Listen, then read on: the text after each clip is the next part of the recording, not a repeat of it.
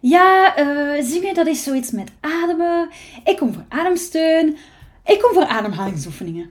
Ik neem zangles om me te ontspannen, want dat is met ademhaling en zo. Dit zijn allemaal zinnen die ik over de jaren heen tijdens mijn coaching te horen kreeg, maar wanneer ik hen vroeg waarom ademhaling zo belangrijk was tijdens het zingen, kon niemand me een exact antwoord geven. En daarom ga ik hier wat dieper op in in deze 41ste podcast. En je kan een test doen of je een buik- of een borstademhaler bent. Welkom! Welkom bij de Sing en Zang Podcast. Een podcast waar je alles leert over correct zingen, tips krijgt en een juiste mindset leert hebben. Ik ben Laura Goesteneke, jouw host, en welkom bij mijn podcast. Zingen is uitademen. En met dit statement ga ik de podcast gewoon beginnen. Want die inademing, dat is waar veel mensen mee struggelen. Omdat ze gewoon veel te hard gefixeerd zijn op het inademen. Maar ademen is meer dan enkel inademen. Bij zingen is de uitademhaling oh zo belangrijk. En waarom dan? Omdat enkel bij de uitademhaling je stemplooien beginnen te trillen. Bij het inademen niet. Daarom dat we tijdens het zingen heel simpel vooral op die uitademhaling zullen werken. Want wanneer je te fel of te hard begint te focussen op dat inademen, dan gaat het vaak mis. Um, veel beginnende zangers denken dat ze heel veel lucht moeten happen of adem nodig hebben om te zingen, maar dat is helemaal niet zo. Je gebruikt dezelfde hoeveelheid lucht als anders, maar je gaat de hoeveelheid veel optimaler gebruiken. En dat noemen we ademsteun. Ademsteun, wat is dat? Je gaat gebruik maken van dezelfde hoeveelheid lucht als anders, maar je gaat de hoeveelheid lucht die je inademt veel optimaler gebruiken. Dat noemen we dus ademsteun. Je kan het vergelijken met een ballon die je opblaast en als je hem loslaat. Uh, ik zal het eventjes laten horen. Waar is mijn ballon? Ja, dus ik heb een ballon in mijn hand. Als je hem gaat opblazen, En je laat hem gewoon los. Dan vliegt alle lucht er binnen de seconde helemaal uit. Maar wanneer je aan de onderkant van de ballon zou trekken, dus zoals ik nu ga doen. En ik pak het onderste van die ballon vast. En ik ga hem nu open houden.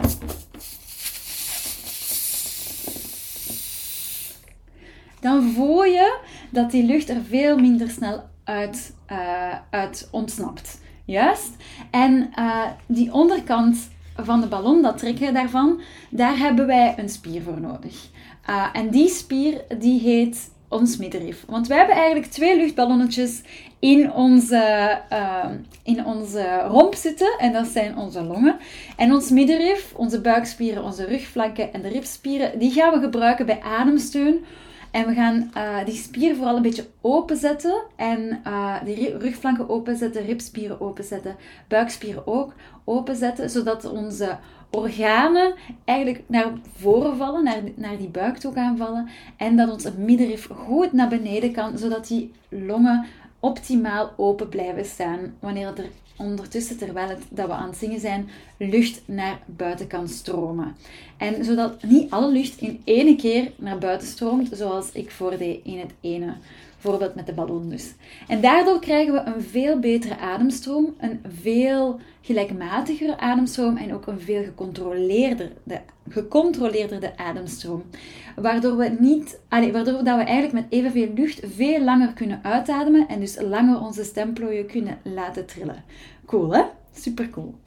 En daarom is het aangeraden om nooit te veel lucht te willen opzuigen voor een lange zin of een hoge noot die je wilt zingen. Maar uh, je zal alleen maar, het zal alleen maar tegenwerken en je kan zelfs er draaierig van worden. Ik zie dan mensen echt zo met het zwembad-effect zo alles in inademen. En, en die kunnen dat dan ook niet houden, want ja, alles is veel te gespannen enzovoort. En je wordt er draaierig van, want hoe meer adem dat je inademt, hoe meer zuurstof er naar je hersenen gaat.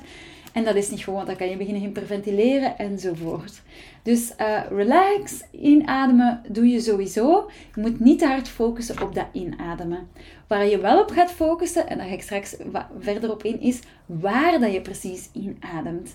En die onbewuste buikademhaling is altijd voldoende um, in liters lucht om mee te kunnen zingen. Echt waar, beloofd.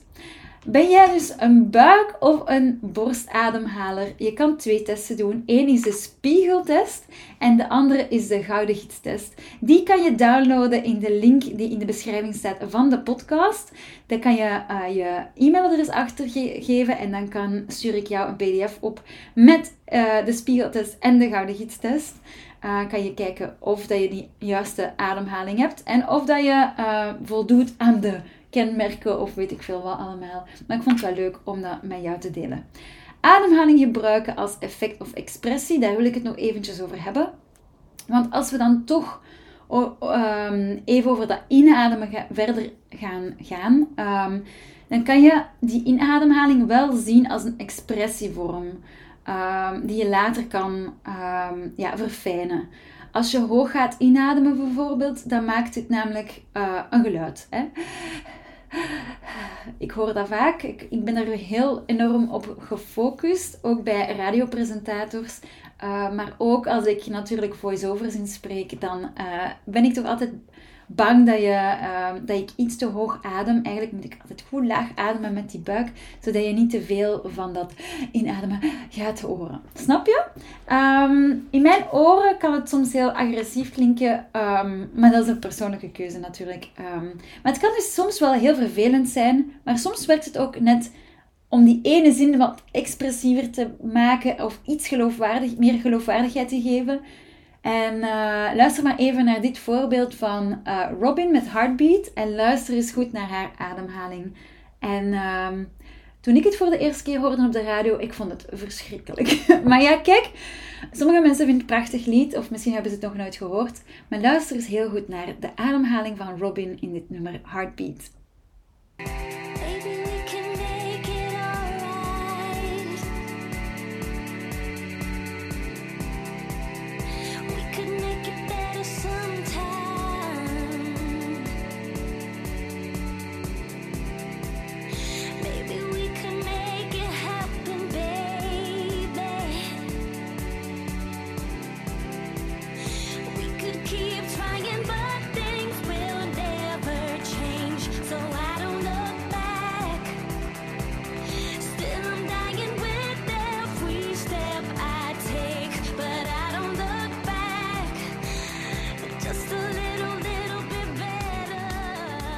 Hoorde je dat haar ademhaling heel erg hoog zit en daardoor de spanning in het nummer echt stijgt.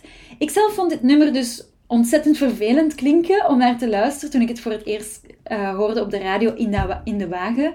Maar ik heb wel het vermoeden dat er uh, een soort van effect op gezet is. Uh, ik denk dat er extra veel compressie op gezet is, zodat het um, zo agressief klinkt. Dus ik denk dat dit een, en ik hoop dat dit een artistieke keuze was.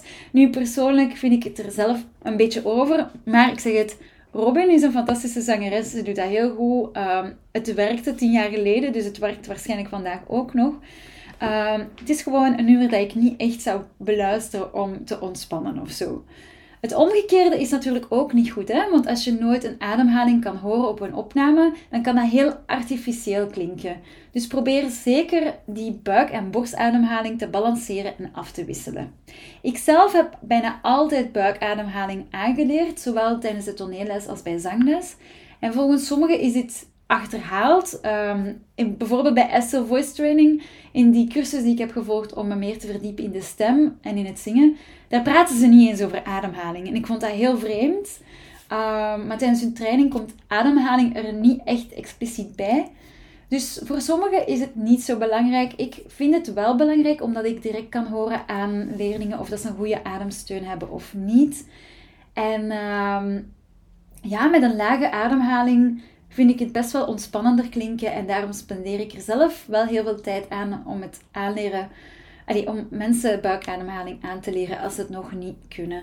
Um, als je geen ademsteun hebt, dus dat wil zeggen als uw ribspieren, uw buikspieren, um, uw rugflanken en zo onderontwikkeld zijn, ga je dat echt wel horen. Um, in,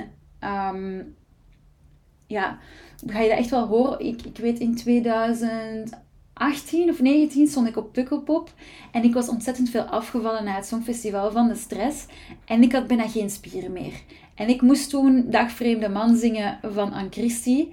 En op zich had ik dat wel goed gezongen, technisch, maar mijn ademsteun was gewoon zoek. Met als gevolg dat ik telkens op het einde van mijn zin niet toonvast was. Dus die toonvastheid heeft heel vaak te maken met ademsteun en met een goede core te hebben. En daarom, een stevige core is een gezond lichaam en een gezond lichaam heeft een goede ademhaling. Um, nu, mijn, zoals ik zei, mijn ademsteun en ademhalingsskills zijn niet altijd um, wat, dat, wat dat het moest zijn, alleen wat het moest geweest zijn. Ik heb er de laatste jaren heel hard op gewerkt. En uh, zo heb ik de afgelopen jaren als professionele zangeres en vocalcoach me heel hard toegespitst op het verder ontwikkelen van een betere core. Dus een betere, betere hè, uh, buikspieren, rugspieren enzovoort. En ook een gecontroleerde ademsteun. En zoals je weet ben ik een super grote fan van lip of lip rolls. Ik ben echt een fanaat. En ben ik ook op, naar aanleiding van uh, mijn theatertournee die, ik, uh, die eraan komt in 2023, ter voorbereiding echt cardiotraining beginnen doen. Ik ben eerst um, beginnen 5 kilometer joggen, allee, dat op te bouwen met Start Run Up. Dank Evie Gruijaert voor mij te helpen daarbij en mij altijd uit te moedigen. Maar na een tijdje had ik dan die 5k behaald en begon me echt tegen te steken. En ik dacht toen van, ah, ziet je wel, ik ben geen loper, ik ben niet sportief. En ik heb echt een dipje gehad van drie maanden om daarna een nieuwe passie te ontdekken. Want ik doe eigenlijk wel graag cardio ik loop gewoon niet zo graag. uh, ik vind dat heel saai. Ik moet dan zo muziek in mijn oren hebben, maar ik kan niet echt meezingen. Mm, ik vond dat niet zo tof. En uh, als het dan regende, vond ik dat helemaal tegensteken. En daarom ben ik nu aan het indoor cyclen, want het is binnen, geen regen meer. Ik ben aan het wielrennen. En nu zit ik twee tot drie keer per week um, in de indoor spinningles om mijn longcapaciteit, mijn core en mijn hartslag goed onder controle te krijgen. En zo heb ik ook een veel betere ademsteun gekregen. En zal ik klaar zijn voor de concertreeks van 2023. Um, waar ik dan allemaal songfestivalnummers in een jazzjasje zal steken met contrabas en jazzdrum en prachtige, prachtige pianist. Uh, die speelt supergoed. Maar daarom zal je tijdens mijn zangcoachings ook altijd wat buikspieroefeningen krijgen. Um, die je dus moet trainen tijdens je ademhalingsoefeningen. Omdat zingen doe je met heel je lichaam. Heel je lichaam is jouw instrument. En je moet goed, ja, gelijk dat je voor een piano zorg moet dragen en respect moet hebben. En zo heb ik dat toch altijd geleerd in de uh, muziekles. Ga je dat ook voor je lichaam doen. Um, vandaar. Maar dus, heb je zin gekregen om te zingen, zingen en heb je zin gekregen om wat meer met je lichaam bezig te zijn? Kriebelt het, kriebelt het in de keel, maar niet op die vervelende manier. Je kan altijd een afspraak boeken in mijn zangatelier in Leuven, vlak aan het station van Leuven. En dat kan via www.zingenzang.com. Hier kan je ook gratis een intakegesprek aanvragen van 15 minuutjes. En dat is online via Zoom. En dan kunnen we eventjes kennis maken en kijken of Zangnet echt wel iets voor jou is en of ik jouw geschikte coach ben. Um, denk eraan, je kan dus op het, uh, als je naar mijn blogpost gaat of in de beschrijving van de podcast kijkt, dan kan je kijken of je uh, de test kan downloaden en dan kan je kijken of je een buik- of een borstademhaler bent. En uh, dan kom je te weten, dan weet je waar dat je juist nog aan kan werken. Want ben je een buikademhaler, dan ga ik jou een beetje borstademhaling aanleren. Maar ben jij een uh, borstademhaler, dan moet je dringend leren buikademhalen. Want dat is super handig bij het zingen. Vind ik zelf persoonlijk. Dankjewel voor het luisteren. Ik hoop dat je het een fijne podcast vond. En uh, bedankt om te luisteren. En volgende week is het zover. Dan is het één jaar Sing en Zang podcast. Ik ben super, super blij.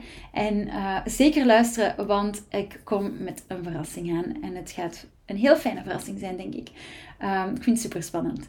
Dus eh, zeker luister naar de volgende podcast. Ik heb een cadeautje voor jou. Goed? Dag, tot volgende week. Bye!